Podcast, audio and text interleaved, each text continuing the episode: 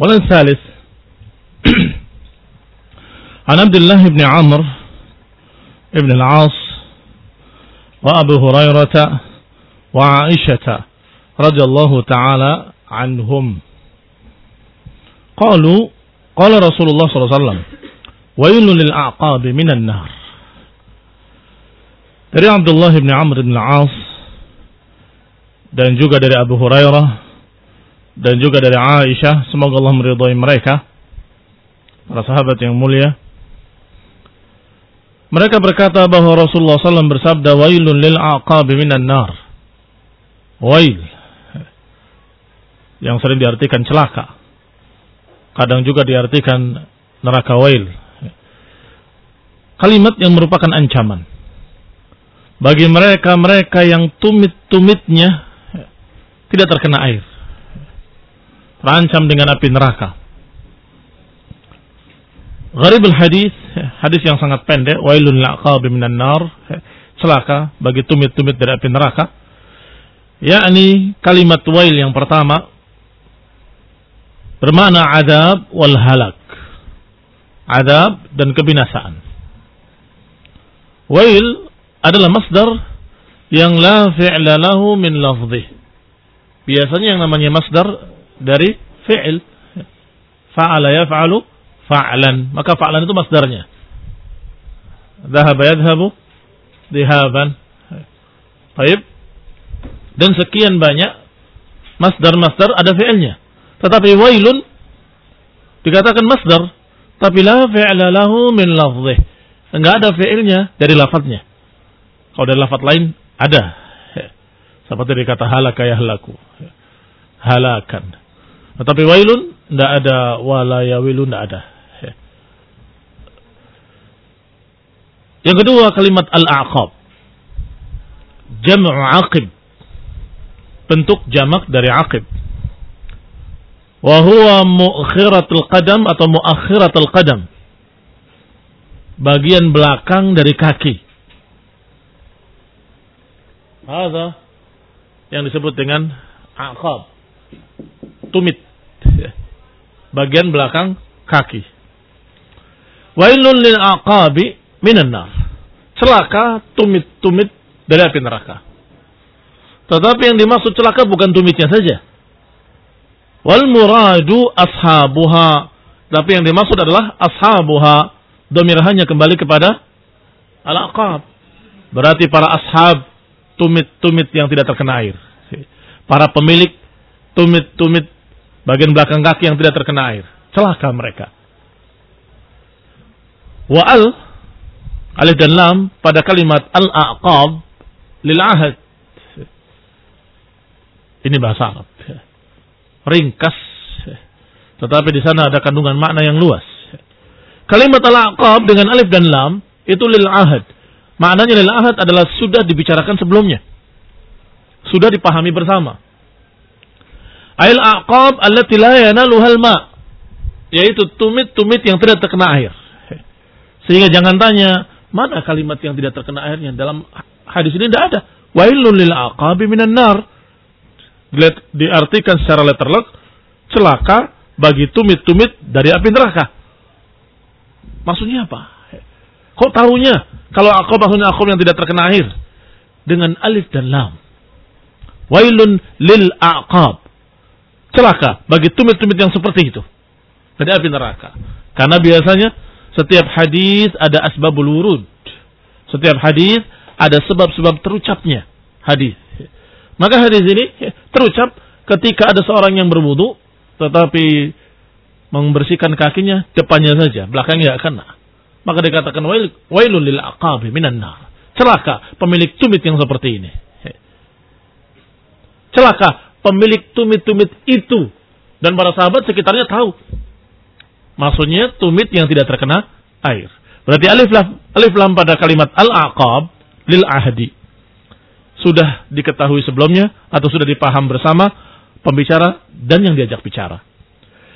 Ail aqab allati la yanaluhal ma, yaitu aqab tumit-tumit yang tidak terkena air.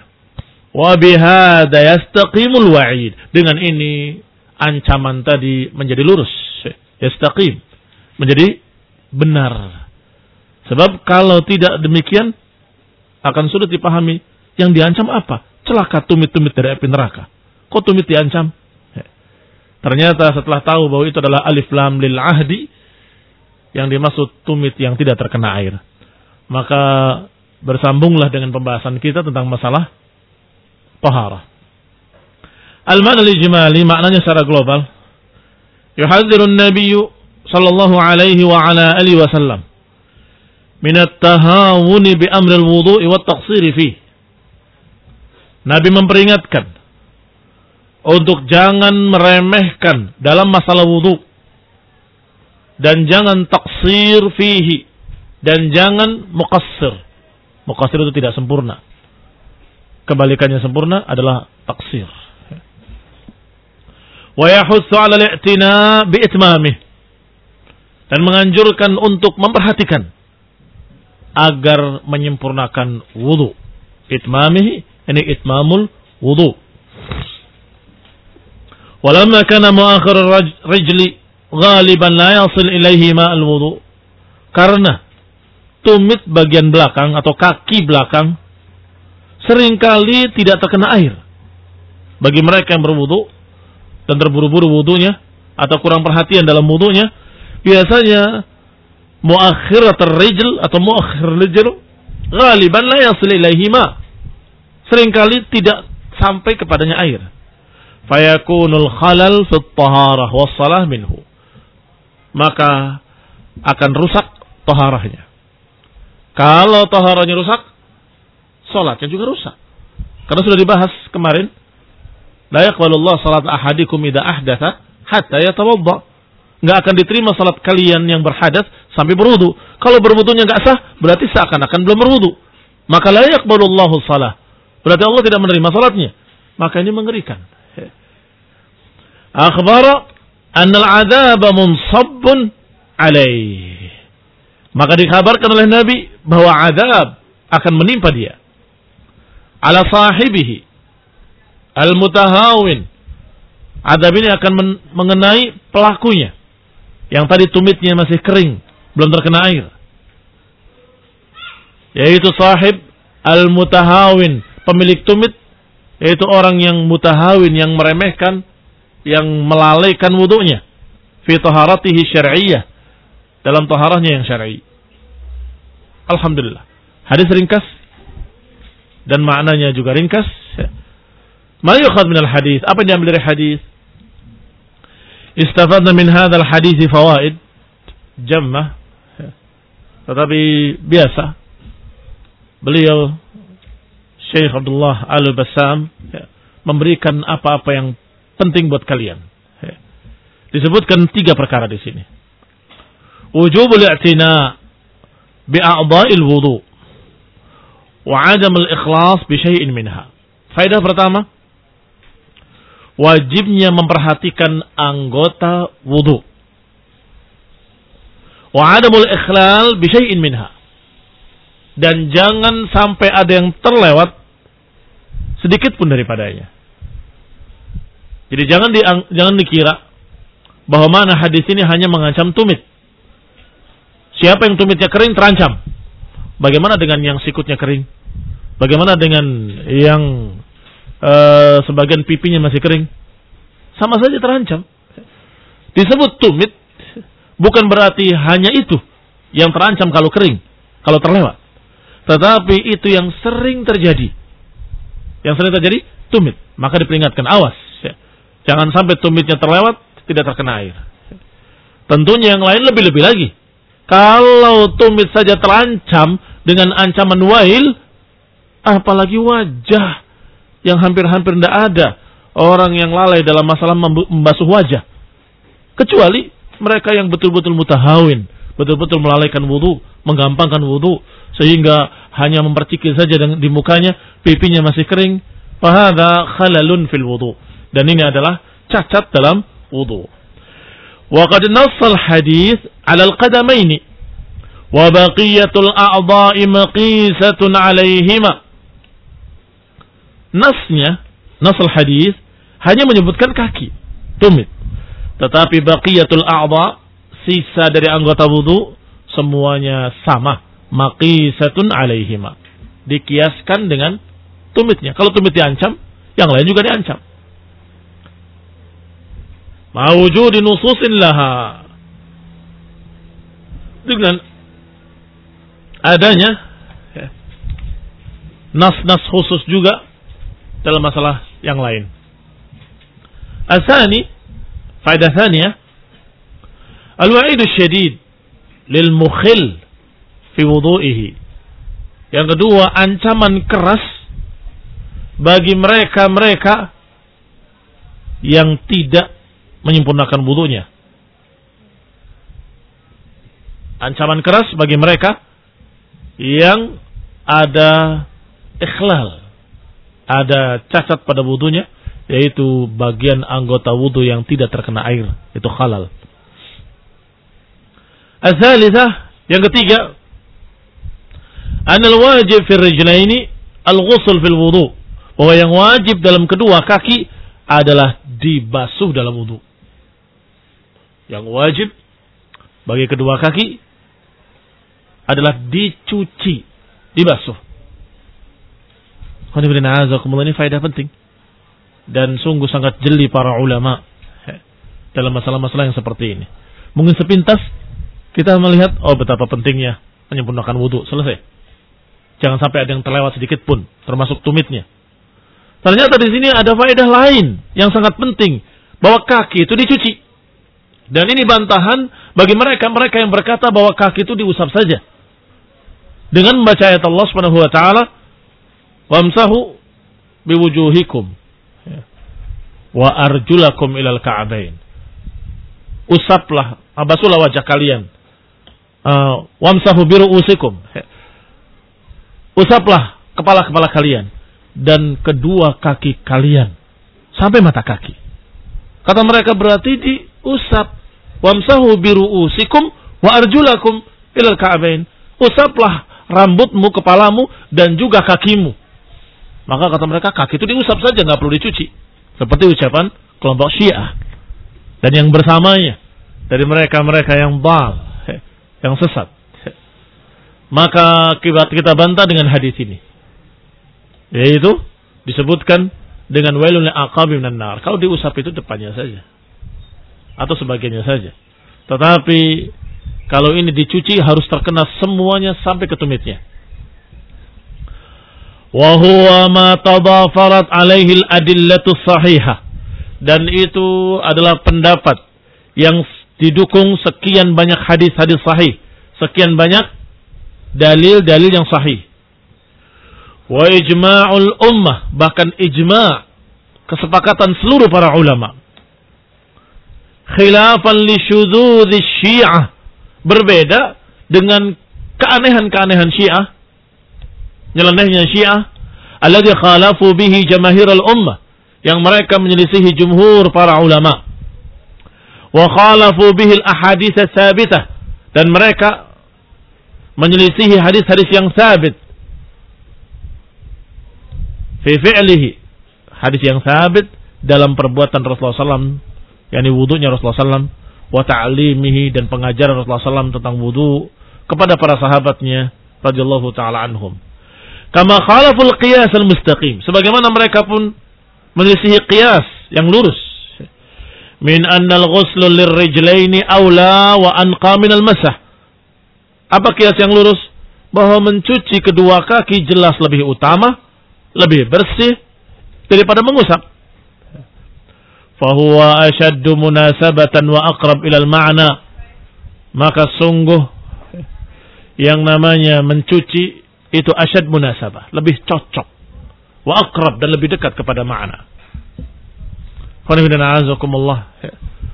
nanti akan dibahas bahwasanya kalimat wa arjulakum dia tidak atafun ala ru'us tetapi atafnya atas fagsilu wujuhakum wa arjulakum.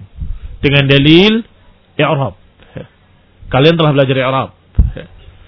Bahwasanya kalau marfu um, dia ma'tufun ala marfu'in marfu'. Kalau ma'tufun ala mansubin mansub. Kalau ma'tuf ala majrur majrur. Baik, sekarang kita samakan. Ma'atufnya ke mana dia? Arjulakum. Allah katakan di awalnya, Idza qumtum ila salah. Faghsilu wujuhakum. Mansub atau majrur? Mansub. Wujuhakum. Wa aydiyakum. Mansub atau majrur? Hah? Mansub.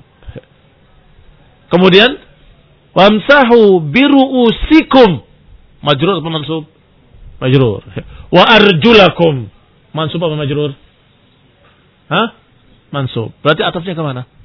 Ke ru'us apa ke tangan dan wajah? Jahit. Selesai sesungguhnya dengan i'rab.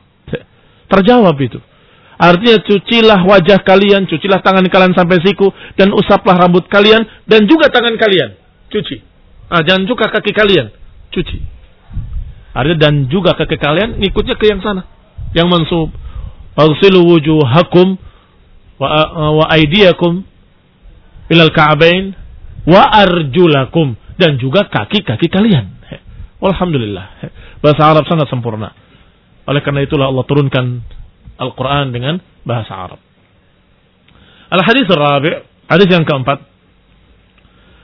An Abi Hurairah radhiyallahu taala anhu anna Rasulullah sallallahu alaihi wa ala alihi wasallam qaal idza tawaddaa ahadukum falyaj'al fi anfihi ma'an thumma liyastansir thumma liyastansir wa man istajmara falyutir wa idza istayqadha ahadukum min nawmihi falyaghsil yadayhi qabla an yudkhilahuma fil ina salasan fa inna ahadakum la yadri aina batat yaduh dari Abu Hurairah radhiyallahu taala anhu bahwa Rasulullah sallallahu alaihi wa ala alihi wasallam bersabda jika berwudu salah seorang kalian falyaj'al fi anfihi ma'an.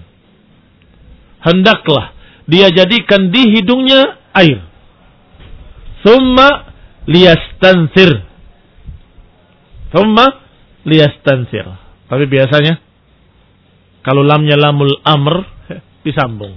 Summal yastansir. Summal yastansir. Wa man istajmara falyutir. Dan siapa yang beristijmar, beristinja dengan batu atau sejenisnya, itu disebut istijmar. Falyutir, hendaklah dengan bilangan ganjil, hendaklah dengan jumlah yang ganjil. Wa idza istayqadha ahadukum min nawmihi falyaghsil yadayhi qabla an yudkhilahuma fil ina'i. Salasan. Dan siapa yang bangun dari tidurnya salah seorang kalian falyaghsil maka hendaklah mencuci kedua tangannya qabla an yudkhilahuma fil ina sebelum memasukkannya ke dalam bejana fa inna ahadakum la yadri aina batat yaduh karena sungguhnya salah seorang kalian enggak tahu di mana bermalamnya tangannya. Salah seorang kalian nggak tahu di mana dia bermalam. Ini tangannya dia bermalam di mana? Semalam tadi ke mana dia jalan-jalannya dan ke mana nginepnya? Tidak tahu. Ada yang ke depan gini-gini, ada yang ke belakang gini-gini. Hah? Ada yang ke sini. Nah, hati-hati. Maka dikatakan di sini ada beberapa lafat-lafat dalam riwayat Muslim disebutkan falyastansyiq bimin kharaihi minal ma. Hendaklah dia beristinsyak. Istinsyak adalah memasukkan air ke hidung dan mengeluarkannya. Itu istinsyak. Berarti ada dengan lafaz istinsyak, ada dengan lafaz memasukkan air ke hidung dan mengeluarkannya. Enam. Wa fi lafdhin man tawadda'a Siapa yang berwudu, hendaklah dia beristinsyak. Memasukkan air ke hidung dan mengeluarkannya. Baik. Ada beberapa perkara yang perlu dijelaskan dari kalimat-kalimat di atas. Pertama, idza tawadda'a ahadukum. Jika berwudu salah seorang kalian. yakni idza syara'a fil wudu Ida syara'a fil wudu. Syara'a maknanya dakhala fil wudu. Atau jika beranjak untuk berwudu. Kenapa harus jelaskan demikian? Karena sebagian anak-anak yang baru belajar nahu berkata, itu kan tawaddo'a fi'il maldi. Karena fi'il maldi berarti telah. Barang siapa yang telah berwudu, maka jadikan air di hidungnya. Jadi setelah wudu selesai, baru dia masukkan. Dengan alasan, itu kan fi'il maldi. Fi'il maldi kan bentuk lampau. Telah berwudu. Kalau dia telah berwudu, maka falyaj'al fi anfihi ma'an. Ini sok pintar dengan bahasa Arab yang dia baru belajar jurumi ya. Kemudian meninggalkan ucapan para ulama. Padahal maknanya tawadda adalah idza syara'a fil wudu. Kalau dia akan berwudu. Dan ini sama dengan ayat tadi. Apa awalnya ayat tadi? Idza qumtum ila shalah. Kalau engkau qumtum. Fi'il apa itu? Fi'il madhi. Apakah berarti kalau kamu telah berdiri untuk salat baru kamu cuci tangan dan sebagainya? Nah demikian maknanya. Tetapi ida aradal qiyam ila salah itu maknanya. Ida kuntum maknanya ida aradal qiyam. Nah, dan itu disebut dengan syuru' syara'a fil qiyam ila salah. Demikian pula kalimat tawadda yakni ida syara'a fil wudu. Kalau dia mulai masuk atau akan masuk ke dalam wudu, maka hendaklah dia memasukkan air ke hidung. Berarti ini adalah awal awal wudu. Dan lebih awal lagi ketika bangun tidur cuci tangan dulu. Karena kamu nggak tahu di mana. Ya. Berarti cuci tangan kemudian memasukkan air ke hidung. Dan disebutkan lagi dalam hadis yang akan datang madmadah dengan berkumur-kumur. Tiga perkara ini barakallahu fikum disebutkan dalam hadis-hadis yang sahih. Tetapi dalam ayat nggak disebutkan istinsyak, nggak disebutkan madmadah, nggak disebutkan di sana tentang masalah masukkan air ke hidung dan berkumur-kumur. Bagaimana hukumnya berarti? Di Al-Quran hanya mengatakan idza qumtum ila shalah fagsilu wujuhakum wa aydiyakum ila al-marafiq wamsahu bi ru'usikum wa arjulakum ila al-ka'bayn. Tidak ada istinsyak, nggak ada istinsar, Gak ada madmadah. Tetapi barakallahu fikum para ulama menyatakan wajib hukumnya, bukan sunnah, bukan anjuran. Kenapa? Karena itu termasuk wajah. Allah katakan fagsilu wujuhakum, cucilah wajah-wajah kalian. Kata Nabi, cucilah wajah kalian dengan memasukkan air ke hidungmu, dengan memasukkan air ke mulutmu, kumur-kumur dan itu membersihkan wajah. Sehingga barakallahu fikum Allah menyebutkan secara global, Rasulullah SAW menyebutkan rinciannya cuci wajah semuanya termasuk lubang hidung dan lubang mulut.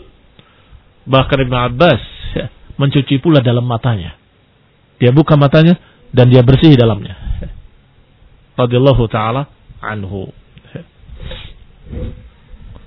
Qala yang kedua liyastansir. Yani liyukhrij ma min anfih. Istinsar adalah mengeluarkan air dari hidungnya ba'da idkhalihi fi setelah memasukkannya ke dalamnya wa idkhalihi huwa istinsyaq memasukkannya itu disebut istinsyaq mengeluarkan itu disebut istinsar.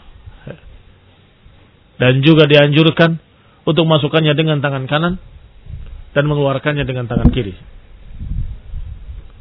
Dibantu dengan istinsyaq artinya mengeluarkan uh, istinsar dengan mengeluarkan dengan napas dari mengeluarkan dari hidungnya.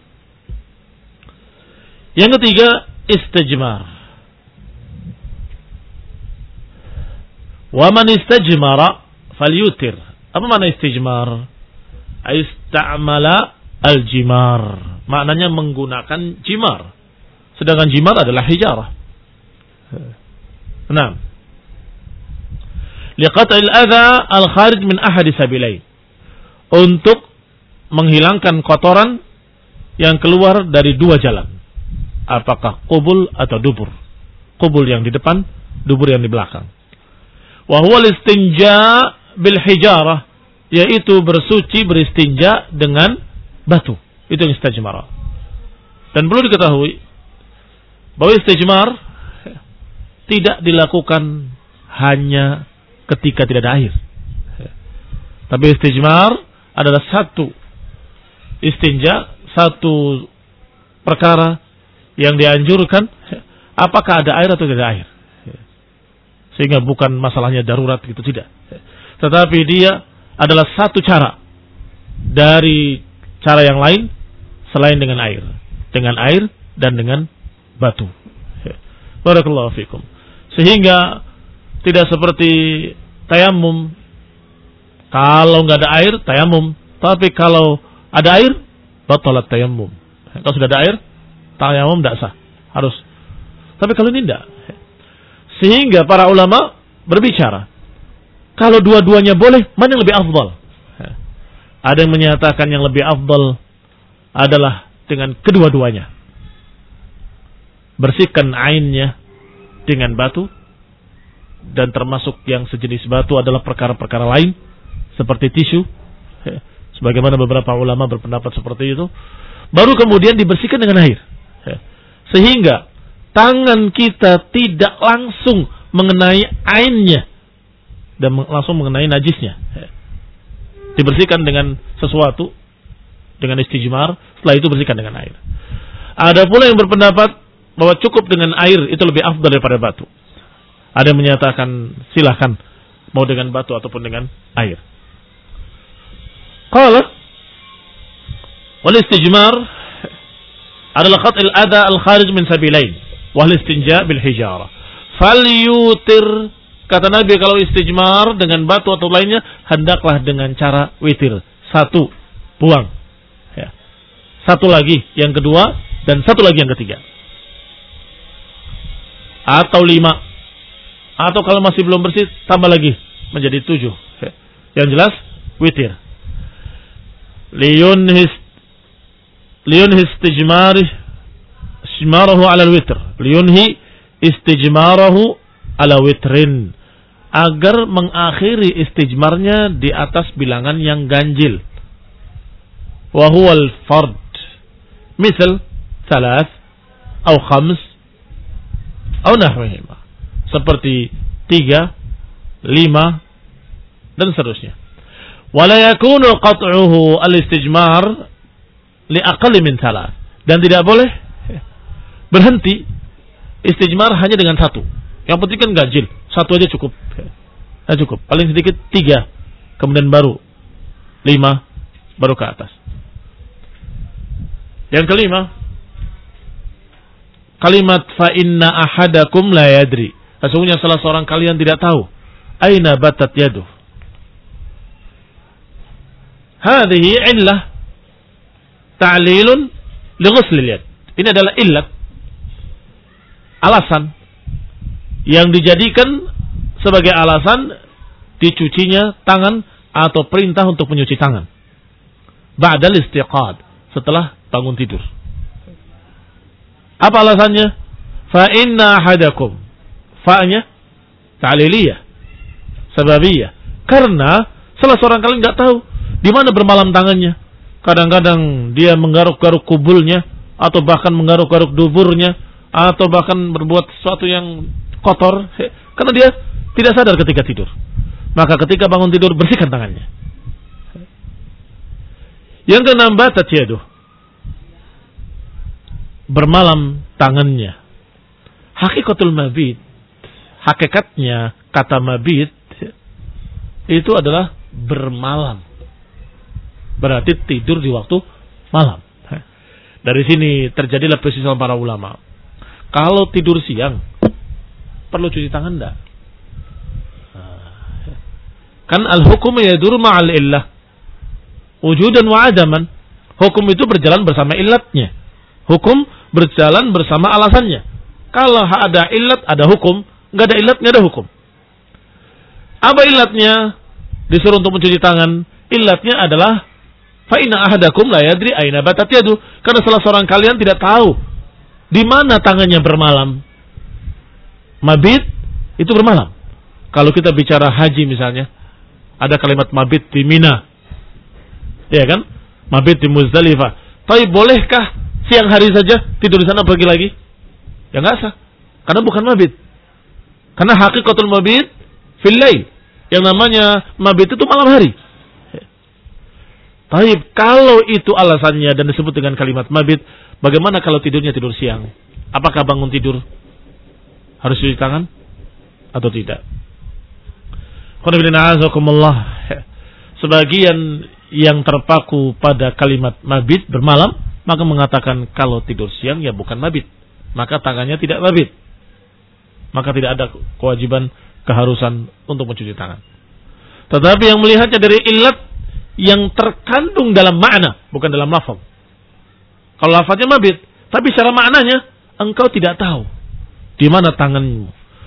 Kalau tidur siang juga sama tidak tahu di mana tangannya ketika tidur. Malam tidak tahu, siang tidak tahu. Mana yang lebih rajih menurut kalian? Yang kedua, mereka punya bantahan lagi. Berbeda. Walaupun malam tidak tahu, siang tidak tahu, tapi malam cenderung panjang tidurnya. Kalau siang pendek. Maka berbeda hukumnya. Bisa jadi kemungkinan yang terbesar di malam hari. Malam hari. Kalau siang kecil kemungkinan karena tidurnya hanya setengah jam atau pendek. Qasirah. Nauman qasirah. Ala kulli belum sampai pada pembahasannya, ini baru membahas tentang lafat-lafatnya. Bahwa makna mabit adalah bermalam. Dari kata bata yabitu. Dan kalian tahu sekarang kenapa rumah disebut dengan bait. Kenapa? Karena tempat bermalam kamu di sana siang ke mana-mana, ada yang kerja, ada yang ada yang sekolah, ada yang kuliah. Mesti ketika bermalam pulang ke rumahnya. Maka disebut bait. Mabit bermalam, sedangkan bait adalah tempat tinggal atau tempat bermalam. Wa qad haka Az-Zamakhsyari wa Ibnu Hazm wal Amidi wa Ibnu Burhan annaha takunu bima'na sara. Fala taqtassu biwaqtin wa idza utlaqat al-yad fal murad biha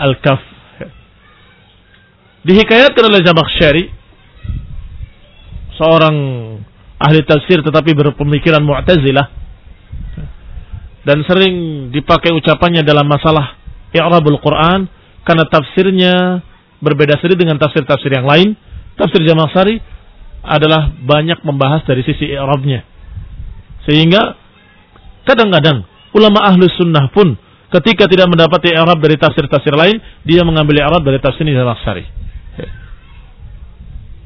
Wa Ibnu Hazm dan juga Ibnu Hazm dan Amidi dan Ibnu Burhan mereka berkata bahwa bata yabitu itu bermakna sorok. Berarti bukan bermalam maknanya. Paham nggak? Ini bantahan mereka. Artinya kalimat la yadri aina batat yaduh kamu tidak tahu di mana tanganmu bermalam. Kata mereka maknanya bukan bermalam. Karena bata bukan dari kata mabit. Bukan dari kata mabit. Tapi dari kata soro. Akhwat. Kana. Ya. Soro Muhammadun kada. Ya. Aina sarat yaduh. Ya. Jadi tangannya menjadi di mana? Begitu. Kamu tidak tahu tangannya menjadi di mana. Kalau bermana sara berarti malam dan siang sama. Kamu tidak tahu jadi di mana tanganmu. Kamu tidak tahu jadi di mana tanganmu siang hari malam hari sama. Karena bukan dari kata mabit. Wallahu taala a'lam bissawab. Adapun kalimat kaf, kalimat yad. Idza utliqat Fal muradu bihal kaf. Tangan kalau utliqat, kalau utliqat itu diucapkan secara mutlak, nggak ada kaidnya. Maka maknanya kaf. Tangan. Kamu sudah tahu makna yad kan? Yang mana? Ya, yang disebut yad. Yang ini? Telapak ini? Atau sampai siku? Atau sampai sini tangan? Ini tangan. Sampai sini juga tangan. Sampai sini juga tangan. Baik. Yang mana? Yang disebut dengan yadun. Kata mereka para ulama, kalimat yad hakikatnya kalau mutlakan, kalau disebut tanpa embel-embel apa pun, maka maknanya sekian saja. Kalau sampai sini sampai sini pasti ada kait. Tangan sampai siku. Tangan sampai pundak. Buktinya ayat Allah mengatakan, Wausilu wujuhakum wa aidiyakum ilal marafiq. Kalau nggak ada kalimat ilal marafiq ini saja dicuci. Mafhum? Karena hakikat yad hanya telapak saja. Ida utliqat fal muradu bihi al kaf. Tangan kalau disebut secara mutlak maka dimaksud hanya kaf saja. Berarti kalau yang dimaksud lebih dari kaf harus ada embel-embel di belakangnya. Ilal marafiq. Enam. Atau ila atiqihi. Baik. Untuk apa kalimat itu? Untuk menunjukkan bahwa yang disuruh dicuci ketika bangun tidur yang mana? Kaf saja. Karena nggak ada embel-embel apa pun. Wa idza stayqadha ahadukum min naumihi falyaghsil. Barang siapa yang bangun dari tidurnya, maka hendaklah dia mencuci tangannya. Enggak ada kalimat ilal marafiq. Enggak ada kalimat ila kada wa ila kada. Berarti mutlaqan. Wa idza utliqa fal maqsud bihi al kaf. Telapak tangan saja atau ila rusghain. Ta'rifuna makna rusghain? Ada rusghain. Kalau di sini ada mata kaki, di sini ada mata tangan. Ini sama ini. Enam, pergelangan tangan. Yang ketujuh, fal yastansyiq. Sudah dibahas. Al-istinsyak maknanya idkhalul ma fil anf. Istinsyak memasukkan, istinsar mengeluarkan. Barakallahu fikum. Insyaallah nuwasil fi darsil qadim billahi taala. Subhanakallahumma hamdaka la ilaha illa anta wa atubu ilaik. Wassalamualaikum warahmatullahi wabarakatuh.